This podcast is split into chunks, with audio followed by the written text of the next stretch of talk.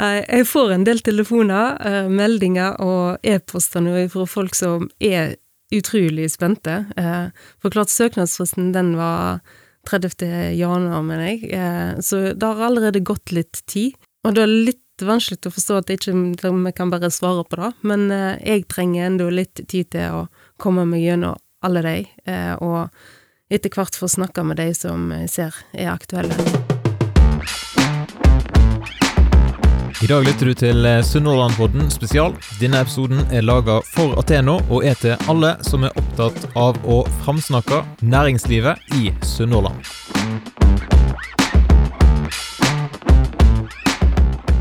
Den eh, 24. februar da kom eh, nyheten om at Torunn Laurhammer er blitt den første rektoren på Stord folkehøgskole. Og velkommen til Sunnhordlandpodden, Torunn. Takk for det.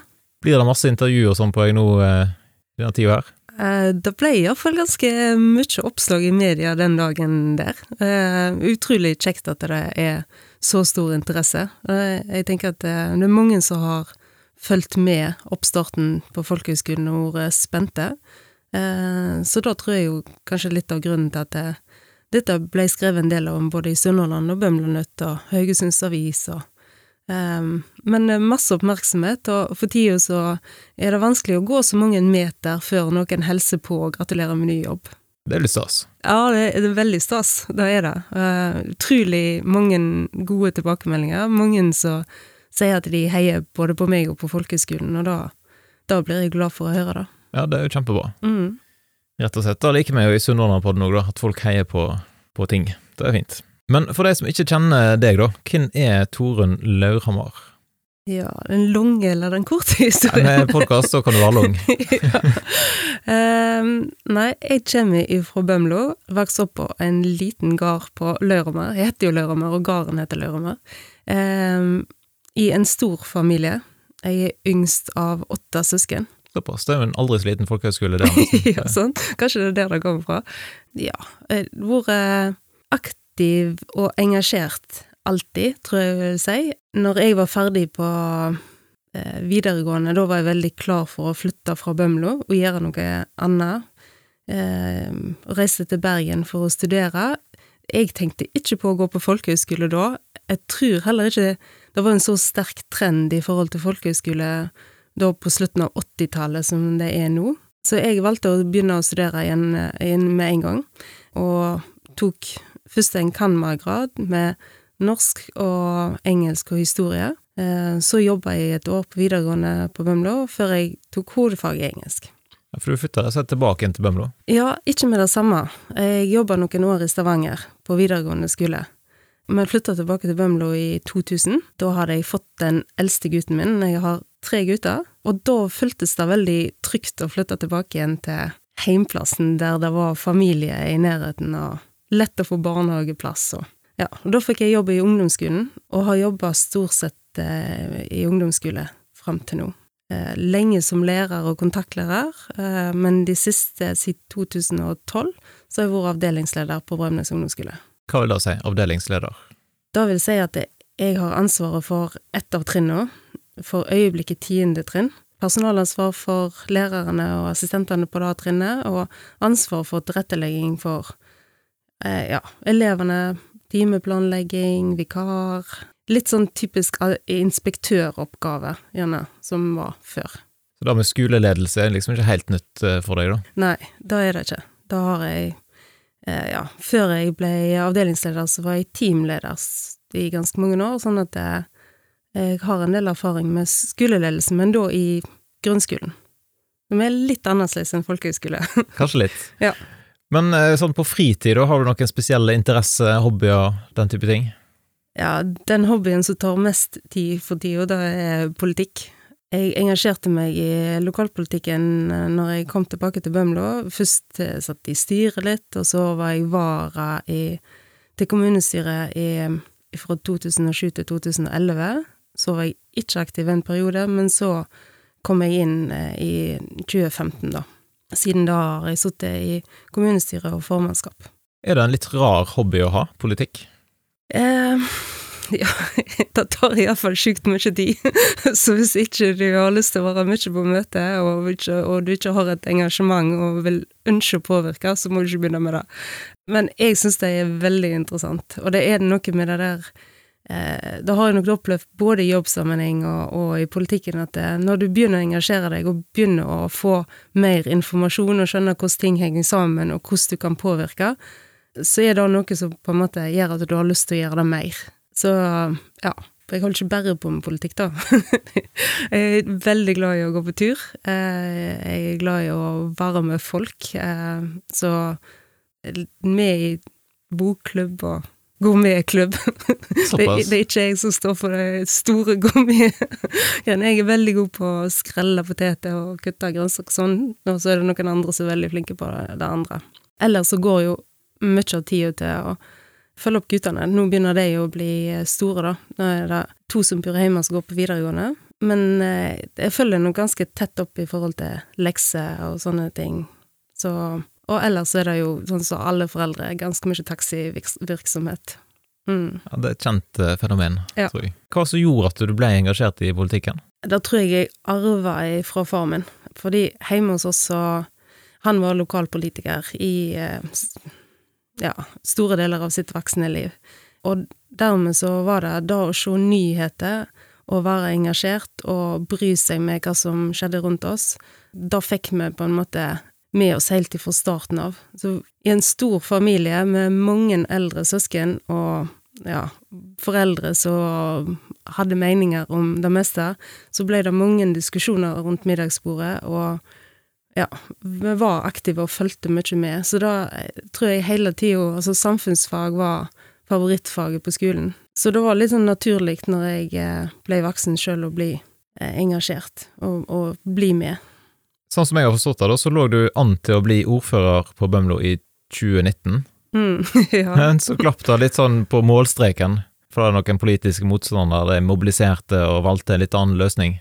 Ja. Hva var det som skjedde der? Um, Nei, altså Det politiske spillet er ikke alltid like lett å forstå seg på. Ikke så lett for oss som er i det heller, alltid. Eh, og da var nok det som skjedde Vi, Vi hadde en, eh, en avtale i utgangspunktet hvis valget gikk greit, så skulle vi prøve å fortsette å samarbeide med som hadde gjort det i perioden før. Og ja, hatt et veldig godt samarbeid, vil jeg si. Og så var det jo sånn at en del saker som var på dagsorden før valget, gjorde at det, eh, maktbalansen ble jo forandra.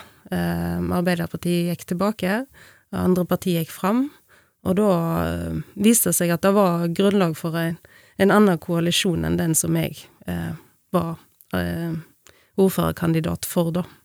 Eh, og håpte likevel en god stund at vi skulle få det til, men men som du sier, det glapp litt på målstreken. Det er jo et sånn klassisk eh, spørsmål med en målstrek, er jo hva følte du da? ja, uh, Nei, det, altså Litt fortvila og oppgitt med det samme, da skal jeg innrømme. Men jeg tror jeg snudde det meg ganske fort rundt i, i hodet på at ok, sånn ble det.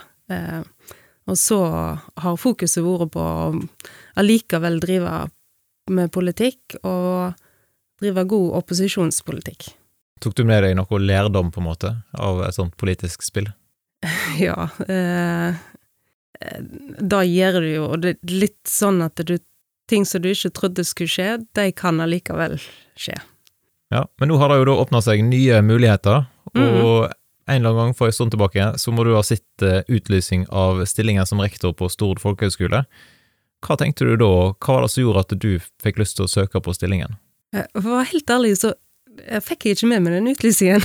Nei, sant. Nei. Eh, så det er litt tilfeldigheter, fordi det var en kollega av meg som um, fortalte at uh, det var ledig stilling. Um, litt etter en sånn prat om at uh, ja, kanskje hun skulle gjort noe annet. Jeg hadde ledig rektorstilling på folkehøgskolen på Sord. Å ja.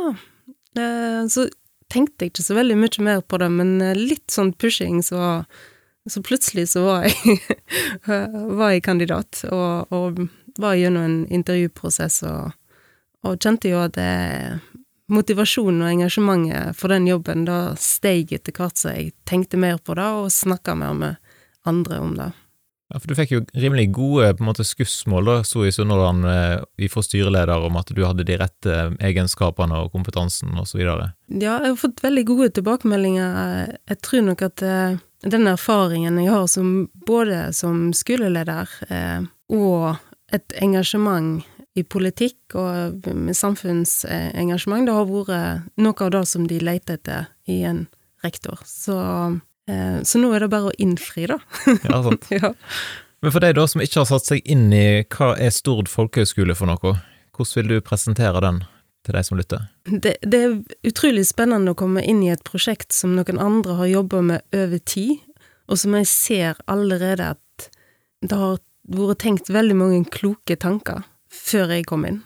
Blant annet så er det slik nå at vi har fulgt opp flere av linjene våre allerede. Vi har gått med søkere. Eh, og så er det jo spennende det første året for å komme inn som en nyetablert eh, folkehøyskole, når det finnes ganske mange andre folkehøyskoler å velge mellom, over 80 eh, i, rundt omkring i landet. Så er det noe hvordan kan vi da få de potensielle elevene til, til å velge oss. Men der tror jeg at eh, den, denne folkehøyskolen har truffet både med linje eh, tilbud, og òg med litt ideene som ligger bak, og måten det er blitt kommunisert ut mot ungdommene på. For eh, nå har vi ca. 70, eller over 70 eh, elever, og det er kjempebra i et oppstartsår. Og da er det slik at en fortsetter å ta opp elever helt fram til egentlig etter skolestart, så vi forventer jo å få en del flere. Eh, og, så det, det er egentlig en knallstart. Så jeg tror at det, en litt sånn annerledes folkehøyskole. Jeg vet at det har vært litt diskusjoner rundt plasseringen i, i sentrum, men jeg tror jo kanskje det er noe som har appellert til ungdommene. Kan du si noe om hva linjer da som har vært mest eh, populære her? De som allerede er fullt belegg på, det er politi og vekter, eh, og e-sport. E-sport, ja, gaming og sosialt heter den eh, linja. Så, så de, der var det mange søkere fra, fra starten av. Eh, men det er òg en god del søkere til den eh, linja som handler om film og TV. Eh, og det er òg en del søkere til friluftsliv og idrett. Og så kan du jo få lov til å si nettsida for de som eventuelt vil inn og lese mer. Ja. ja. sånn stord fhs.no. Ja. ja. det er her du må redigere litt. ja, ja. Eller vi kan ta det med, det er jo litt koselig. Ja. Sånn. Men um, men hvis vi tar hakket tilbake igjen, da. Folkehøyskole det er jo litt sånn eh, spesielt nordisk fenomen, egentlig. Hvis jeg snakker med kollegaer i andre plasser i verden, så, eh, så vet de ikke, eller skjønner liksom ikke konseptet. Nei. Jeg, er jeg, skulle, ja, jeg skulle fortelle at noe jeg, jeg, har noen slektninger i USA som jeg har ganske tett kontakt med, og, og, skulle da fortelle at jeg hadde fått meg ny jobb. Um, men jeg hadde ganske stort problem å fortelle hva for en jobb jeg hadde fått. For dette her er, som du sier, det, det, dette er ikke noe universelt fenomen. Altså, det kommer jo fra Danmark. Eh, og, og, i Danmark har de mange folkehøyskoler. Eh, men, eh, men, jeg tror nok kanskje at det er Danmark og oss som, som er land der dette er utbredt, da. Ja, jeg leste de nordiske landene var liksom, eh, ja. men jeg vil tippe at eh, Danmark og Norge ligger tett. Det, det, det, er de som er iallfall i, i tet på det. da. Og så er det ca. 10% av unge i Norge som tar et år på folkehøyskole. Ja, og den, da er jeg ganske mange, altså. Eh, og det har ikke alltid vært sånn. Det har svinga opp og ned i forhold til hvor mange elever som har valgt folkehøyskole. Men nå eh, Det skjedde noe for en del år siden der en, en får da eh, poeng for å gå på folkehøyskole, og da tror jeg nok gjorde noe, for det, det er sammenlignbart med å være et år i Forsvaret, for eksempel. Eh, I for, forhold til poeng når du skal søke høgskoleutdanning. Så da, da tror jeg var bra. Og så tror jeg nok folkehøgskolene har klart å omstille seg òg, og blitt eh, attraktive. Det er jo ikke en skole med eh, fastsatte kompetansemål og, og læreplaner og vurdering, sånn som andre skoler er. Så det er ikke så masse eksamener? Nei, og du har en helt annen fleksibilitet da på å justere på det tilbudet du gjør, ut ifra sånn så trender som skifter og interesse som eh, ungdommene har. Har du lest noen av disse søknadene som folk sender inn for å få en skoleplass? Må de skrive noe der om hva som er motivasjonen deres for å ta et eh, sånt type år, eller er det Ja, det gjør de, men jeg har ikke lest de søknadene, fordi at det, Det er Geir Angeltveit som er daglig leder, som har med elevopptak å gjøre. Så til nå, det er jo ikke så lenge siden jeg ble tilsett, og jeg går oppsigingstid i den eh, jobben som jeg har. Så fokuset mitt nå på eh, delvis ettermiddag, eh, kveld og helg, og, eh, og på onsdager, for da er jeg frikjøpt fra jobben min fra nå av, og der, eh, det går til å tilsette staben. Så det er det jeg har hatt fokus på til nå, og skal jobbe med de neste ukene òg. Ja, og der er det ganske mange søknader, har jeg forstått. Ja, det er helt fantastisk. Eh, 350 cirka, som har lyst til å jobbe på den nye. Så da Attraktiv arbeidsplass. Ja, det er det. Eh, og da håper jeg at det skal fortsette å være. Men det er en enorm interesse, og utrolig mye flinke folk som har lyst til å, jobbe der. Det er en vanskelig jobb, da, å sitte og ja, sortere ut. det er helt sikkert at det er. Mm. Er det noen som prøver seg på sånn ekstra smisking? Eh, ja Jeg får en del telefoner, eh, meldinger og e-poster nå fra folk som er utrolig spente. For klart, søknadsfristen den var 30. januar, mener jeg, eh, så det har allerede gått litt tid. Og det er litt vanskelig å forstå at ikke vi kan bare svare på det, men eh, jeg trenger enda litt tid til å komme meg gjennom alle de, eh, og etter hvert få snakke med de som jeg ser er aktuelle. Ja, men det begynner jo sikkert å haste litt òg, da, hvis du tenker sånn oppsigelsestid Mm. og for å komme i gang, for nå er skolestart er i august. Ja, så det er absolutt deadline til slutten av april, da, for at folk skal rekke å si opp eh, i, i jobben sin og være klar til skolestart, som du sier. Så dere som har søkt, dere må bare vente i spenning. Ja, Kan ikke avsløre noe her i podden, det hadde vært stas, men det eh, hadde vært veldig stas, men eh, jeg kan ikke det, dessverre. Men jeg er eh, veldig, veldig glad for at det er så mange som er interessert, og så mange som har lyst til å være med på det spennende prosjektet som vi skal i gang med. absolutt. Hva vil du si er de viktigste erfaringene du tar med deg da, ifra arbeidsliv og ifra politikken, nå når du skal inn og bygge et team med Stord folkehøgskole? Jeg tror det hele, hele arbeidskarrieren min har vært å jobbe med folk. Og da å eh, ha vært med å lede, enten da er i jobbsammenheng eller i politikken, eh, tror jeg er verdifulle erfaringer. Da å få gode relasjoner til de du jobber med, det tror jeg er avgjørende for å på en måte skape et godt lag. For dette Jeg blir den første rektoren, men, men en rektor kan utrette utrolig lite alene. Det er laget som skal jobbe med elevene, eh, og der er alle viktige, uansett hvilken rolle en får inn i den nye skolen. Så skal de være i lag med elever i trekvart år, som bor på skolen og har da valgt å bruke et år med, i lag med oss på Storen. Vi skal prøve å gi de, på en måte oppfylle de forventningene som vi har skapt, og da trengs det at alle bidrar fra de ulike rollene en har. Eh, Så er det mitt ansvar å lede den gjengen, og da skal jeg prøve å gjøre på en god måte med å være, være synlig og være tett på. Men jeg er helt avhengig av å få med meg et, eh, et skikkelig lag for at vi skal få til det. Ja, det blir veldig spennende å se, da, rett og slett, Mm. hvem, som, hvem som blir med på laget. Ja. Men det er et stort ansvar, da, for deg som, som øverste leder, eh, både for personalet, men òg for en relativt stor gjeng med ungdommer, Mm. som eh, sikkert har både ulike behov og ulik, ulik energi. Kommer du til å sove godt om natta?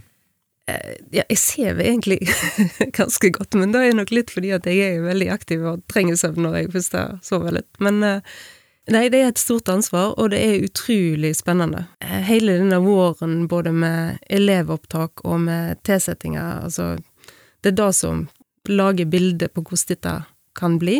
Og så veit vi lite før vi sitter der den 23. og har fått hele gjengen på plass. Eh, og er kommet i gang, da, ser vi hvordan dette vil bli. Men jeg tror at det, med et eh, Ja, med mm, gode folk som eh, er innstilte på å se de ungdommene og bryr seg om de og eh, ta godt vare på de et år, så skal dette bli veldig bra.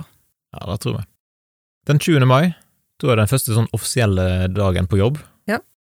Hva annet enn eh, kaka gleder du deg mest til da, på en måte? Jeg får jo håpe noen stiller med kaka. Da bør de. ja, ja. Nå, når du sier det nå, og de hører på, så kan det jo hende det har ordnet seg. ja, håper det. Eh, nei, da gleder jeg meg jo litt til å kunne bruke hele tida mi og all energien min på å få ting klart. Eh, for, for eh, selv om jeg har begynt å jobbe nå, så, så har jeg en, en, jobb som er kjempeviktig.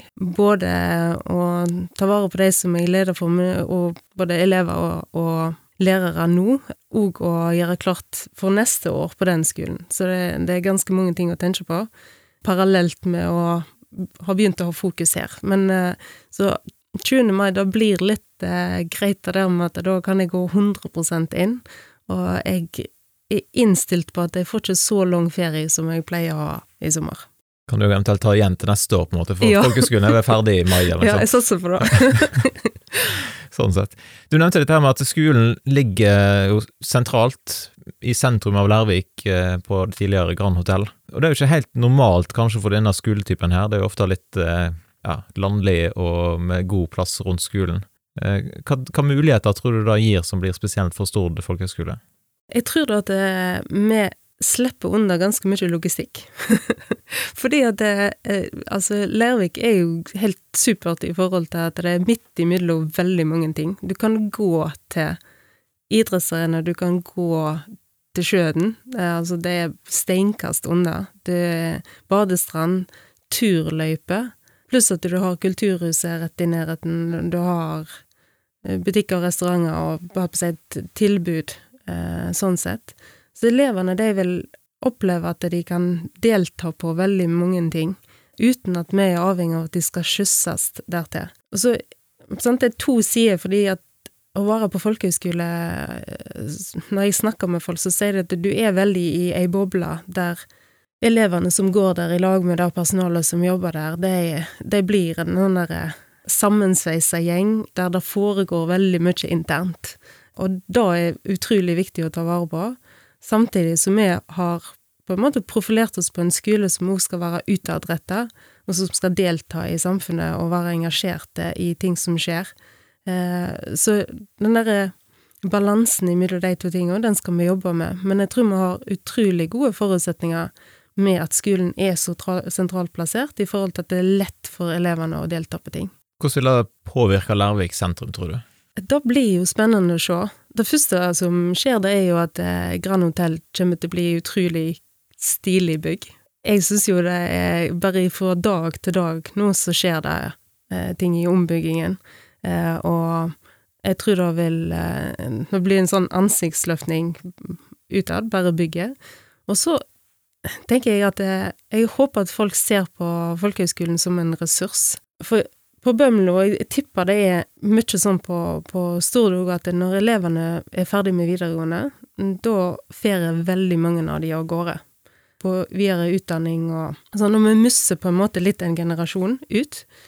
Her kommer det faktisk 100 pluss ungdommer i den alderen til Stord, som kan bidra alt fra en idretten og organisasjonsliv til å lage arrangement og være eh, positive ressurser i, i eh, samfunnet. Så det er litt sånn Jeg er jo klar over at det, kanskje ting må gå seg litt til. Alt skjer ikke den første måneden. Uh, vi må gi oss litt tid til å innarbeide oss. Men jeg håper at folk skal oppleve at her, her, er det en ressurs som er kommet, mer enn utfordring. Absolutt. Du snakket om eh, oppussing og program. Mm. Kan du gi et lite måte, innblikk i hva er det som skjer på bak kulissene? Eh, altså, det er sånn at den delen som eh, med hotellrom, eh, den er fremdeles i drift. Så det er folk som bor på hotellet, og det er til utleie fram til 31.7. Og det skal være nokså uendra. Men fellesareal der skjer det mye. Så den store festsalen som var, den er nå under total ombygging, for der skal klasserommet bli. Eh, og eh, lærerarbeidsplasser og fellesareal, så, så den blir på en måte delt opp i mange rom. Men det blir store, flotte og tror veldig tjenlige rom eh, til skoledrift. Og der som det var basseng før, Eh, sikkert mange som ikke har visst at det har vært basseng der engang, for det er jo en stund siden det var i drift. Der er det nå lagt gulv over, og det blir bygd om nå til et stort eh, allrom som vi kan bruke til å samle alle elevene. Eh, enten det handler om morgensamling, eller det handler om undervisning og aktiviteter og ja, jeg tror det blir, blir et kjempebra rom, da òg. Eh, og så er det litt ombygging i andre etasje, der det òg blir lagt eh, litt kontor og klasserom. Jeg har forstått uh, fra folk som jeg kjenner, da, som, som jobber med folkehøyskole andre plasser i landet, at det, selv om en har elever som har sagt at de skal ta skoleplassen, så vet du egentlig aldri helt om de dukker opp før du er der. Mm. Er du veldig spent på hvordan det ser ut i august? Ja, det er jeg litt spent på. Det er slik at de, til 1. mars, så da betaler de inn en, eh, et lite depositum. Nei, det er ikke det. det er sikkert Men, det er et fint ord, folk vet hva det betyr. Ja, ja. Depositum. Mm, eh, som gjør at eh, de forplikter seg litt mer på å ta den skoleplassen. Så da mister en kanskje noen få av. Eh, I det øyeblikket de Altså, det er lett å si ja, men i det øyeblikket du må betale noen tusenlapper, så sitter det litt lenger inne. Eh, så det er på en måte første steg. Men så er det jo slik at eh, en kan fremdeles ombestemme seg, og, og alle folkehøgskoler opplever da at når en kommer til skolestart, så er det noen som ikke kommer. Eh, så da kan en, ja, en må ikke være 100 sikker da, men så veldig mange dreier det seg ikke om. Men de sier jo da at det endelige elevtall, da vet du ikke før noen uker etter du har begynt. Så du må ha litt is i magen? Du må ha litt is i magen. Ja. Stemmer det at de første, de første fem åra så får en full støtte fra staten, på en måte, altså som om skolen var full? De første tre åra. De første tre. Mm. Og så, etter den tid, så blir på en måte tilskuddet beregna ut fra et gjennomsnitt da på de tre åra av elever. Så derfor så er det litt viktig for oss at vi har bra med elever òg det første året. Ja, du har iallfall tre år på en måte til å bygge opp, eller til mm. å har så. Det er en veldig grei ordning, da. For de som lurer, da, kan du fortelle litt om hvem er det som, som eier skolen? For det er jo litt varierer fra folkehøyskole til folkehøyskole hvem som, som, eier, og her er det litt ulike eiere som er inne. Ja, altså det er, det er veldig forskjell fra skole til, til skole, som du sier, og litt, eh, litt forskjell tror jeg, mellom de kristne folkehøyskolene og de frilynte folkehøyskolene. Ofte så er det organisasjoner som står bak, eh, enten alene eller i, i samarbeid med andre. Eh, på Sort så er det eh, næringslivet med Ateno som eh, har vært på en måte involvert hele veien, siden dette har vært et prosjekt som, som har vært tilknyttet Ateno. Og så har Stord kommune jo gått inn på eiersida. Jeg tror jo at det, den blandingen av offentlig eierskap og, og privat næringslivet, da tenker jeg er et kjempeutgangspunkt for oss. Eh, skolen har òg Altså, det med entreprenørskap har vært en av bærebjelkene.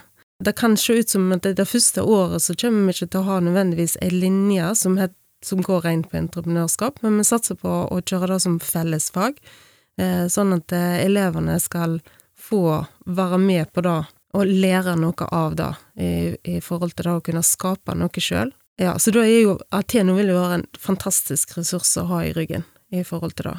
Men så er det kjekt òg at Stord kommune tenker at dette er noe som de har lyst til å være med på. Og jeg tror det skaper sånn et eierskap eh, for, for alle til skolen, da, siden de òg er involvert. Da vil det sette politikere i, i styret vårt som kan være med og peke retningen for hvordan skolen skal utvikle seg. Du nevnte sånn fellesfag. Altså, hvor, hvor masse av egentlig timeplanen er spikra? Er det litt, den lager dere litt sjøl etter hvert? Ja, altså, det er jo fantastisk med å starte opp en ny skole, at vi bestemmer jo det meste sjøl, for å si det sånn. Og det er ganske fritt eh, på, på folkehøyskolen. Men så er det noen ting som litt sånn eh, går igjen. Og det er jo at eh, elevene, de, de søker på ei linje. Eh, og noen, på noen skoler så er det ei linje, og noen velger de to. Med et eh, område da som de er ekstra interessert i. Og da tilbringer de sånn kanskje ca. 15 timer i uka knytta opp til det.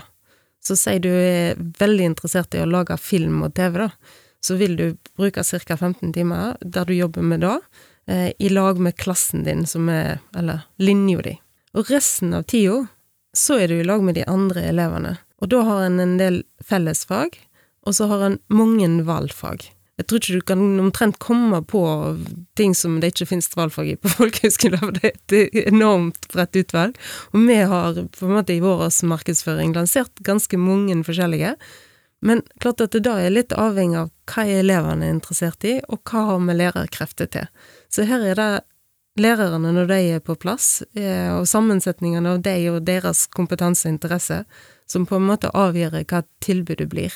Men det er jo naturlig at vi har en del valgfag som er knytta opp til det som har naturlige forutsetninger for på Stord.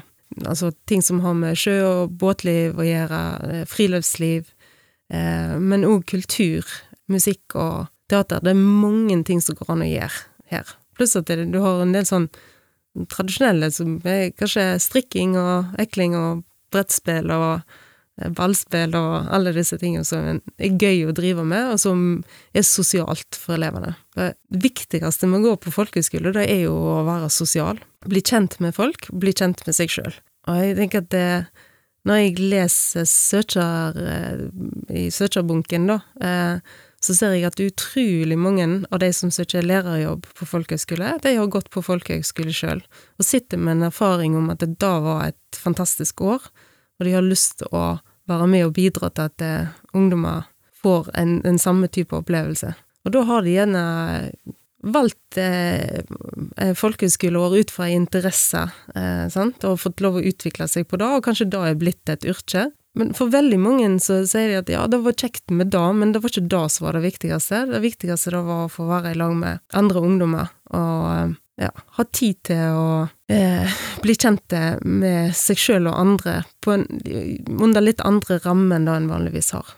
Nå har jo året i år vært ganske spesielt med korona og sånn. Hvordan tenker du om det framover nå med, med folkehøyskole og koronasituasjonen? Det har jo vært en kjempeutfordring for alle, men det som vi har sett i, i dette året her, er at de som valgte å gå på folkehøyskole i år, de har hatt et helt annet år enn de som flytta på hybel alene. For folkehøyskolene, de har vært smittefrie. De har forholdt seg som kohorter. Så de har på, på en måte kunnet vært tett på hverandre, akkurat sånn som de har pleid å være.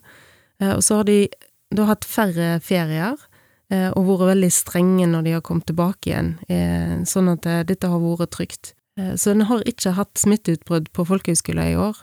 Og jeg har sett bilder fra folkehøyskoler der de Det ser helt rart ut, fordi de klemmer og de er sosiale og gjør mange ting, men det er fordi at det, de har så stramme ytre rammer, da. Så jeg tror jo at det kan være lurt, jeg, å velge folkehøyskole i forhold til det. For en vet at da vil en komme inn og få lov å være i med andre ungdommer. Eh, og så er det jo sånn at en del folkehøyskoler de har hatt veldig fokus på reising de siste åra. Da har jo vært en utfordring nå i, i fjor og i år, at de har ikke fått den opplevelsen som de regna med. Og da syns jeg egentlig det har vært litt sånn klokt når en har eh, lagt til tilbudet for Stord folkehøgskole, da, at en har ikke da fokuset på reising som har vært. Litt sånn i tråd med verdien om bærekraft òg, som er òg en bærebjelke eh, i skolen vår. Eh, så her er det ikke lagt opp til mye reising, det er lagt opp til masse opplevelser i nærområdet. Eh, så da tror jeg er òg klokt. Men kan det bli en utfordring da at, at Stord folkehøgskole ligger så sentralt eh, som man gjør? At eh, her vil jo elevene både være på skolen, og så vil de være ute på forskjellige ting som skjer i, i lokalmiljøet, og så kommer de tilbake igjen til skolen? Da kan det bli, men jeg håper jo virkelig at vi skal komme i en litt annen situasjon når vi begynner i august. Forhåpentligvis så er veldig store deler av befolkningen vaksinerte, og, og at dette blir litt annerledes. Vi krysser iallfall fingrene for det. Hvis ikke så må vi jo bare ha de tiltakene som er nødvendig for at dette skal være trygt. Ja, hvis noen da som har lytta, eller hvis du kjenner noen som, som burde ha tatt et år på folkehøyskole, hva vil du si til deg da? Nei, Det syns jeg absolutt alle bør vurdere. Når en er ferdig med videregående, så er de fleste klar for noe nytt. Og så er det mange som er usikre, som ikke vet akkurat hva de har lyst til å utdanne seg til, og som bruker da året til å bli litt mer ja, fortrolige med hva valg de skal gjøre, eh, men som òg Men det, det er òg de som veit hva de vil, men tenk at det, ah, det, kan være godt med et år der, med litt senka skuldre, der det ikke er så sterkt fokus på vurdering og eksamen og de tingene der som følger med vanlig skole. Så jeg tror de aller fleste de får et minne for livet med å gå på folkehøyskole, de får venner for livet. Eh, da er det mange som forteller historier om at de, selv om de er blitt 50 og 60 og 70, så har de fremdeles venner fra det året når de var 19. Så jeg oppfordrer mine unger til å gå på folkehøyskole. Den eldste har allerede gått. Eh, jeg tror at det er, en, er noe som gir en, en verdi for livet. Og for de som har lyst til å følge med på hva som skjer på skolen, hvor er det best å gjøre da? Det letteste nå er jo å følge med på nettsida, der blir det oppdatert på en måte på Nå er det jo foreløpig hva vi tilbyr, men etter hvert så vil det komme mye stoff der for hva vi holder på med. med I tillegg til nettsida så er det på Instagram, og det er Vi bruker på en måte sosiale medier ut mot nå i hovedsak på, på rekruttering, men, eh, men, etter hvert så kan folk følge med oss der og se på hva som foregår. Det finnes det òg eh, på Instagram eh, egne hashtag på folkehøyskole, og, og informasjonskontoret for folkehøyskolene de er flinke til å legge ut og vise hva som foregår på folkehøyskolene rundt omkring i hele landet. Så etter jeg begynte å følge med der, så tenker jeg jo å, utrolig heldige ungdommer som får lov til å oppleve alt det der. Det ser, det ser knallgøy ut. Så jeg tror det er sterkt å anbefale, altså. Ja, Så du gleder deg til å gå inn i den verden? Ja, det gleder jeg meg veldig til. Yes, ja, men Vi ønsker iallfall kjempelykke til, og hvis noen har lyst til å gi deg noen flere heiarop, da er det å rope til deg på gata eller ta turen innom eh, Grand Hotell. Ja, da må de mer enn gjerne gjøre. Supert. Da sier vi tusen takk for at du var med i Sunnhordlandpodden. Takk for at jeg får lov å komme. Takk for at du lytta til dagens spesialepisode av Sunnhordlandpodden. Denne episoden den var laga for Ateno, og den var til alle som er opptatt av å framsnakke næringslivet i Sunnhordland. Ønsker din bedrift å lage en spesialepisode? Da er det bare til å ta kontakt, så kan vi se om det er mulig å få til. Da ønsker jeg deg en fin dag, og så poddes vi jo plutselig igjen.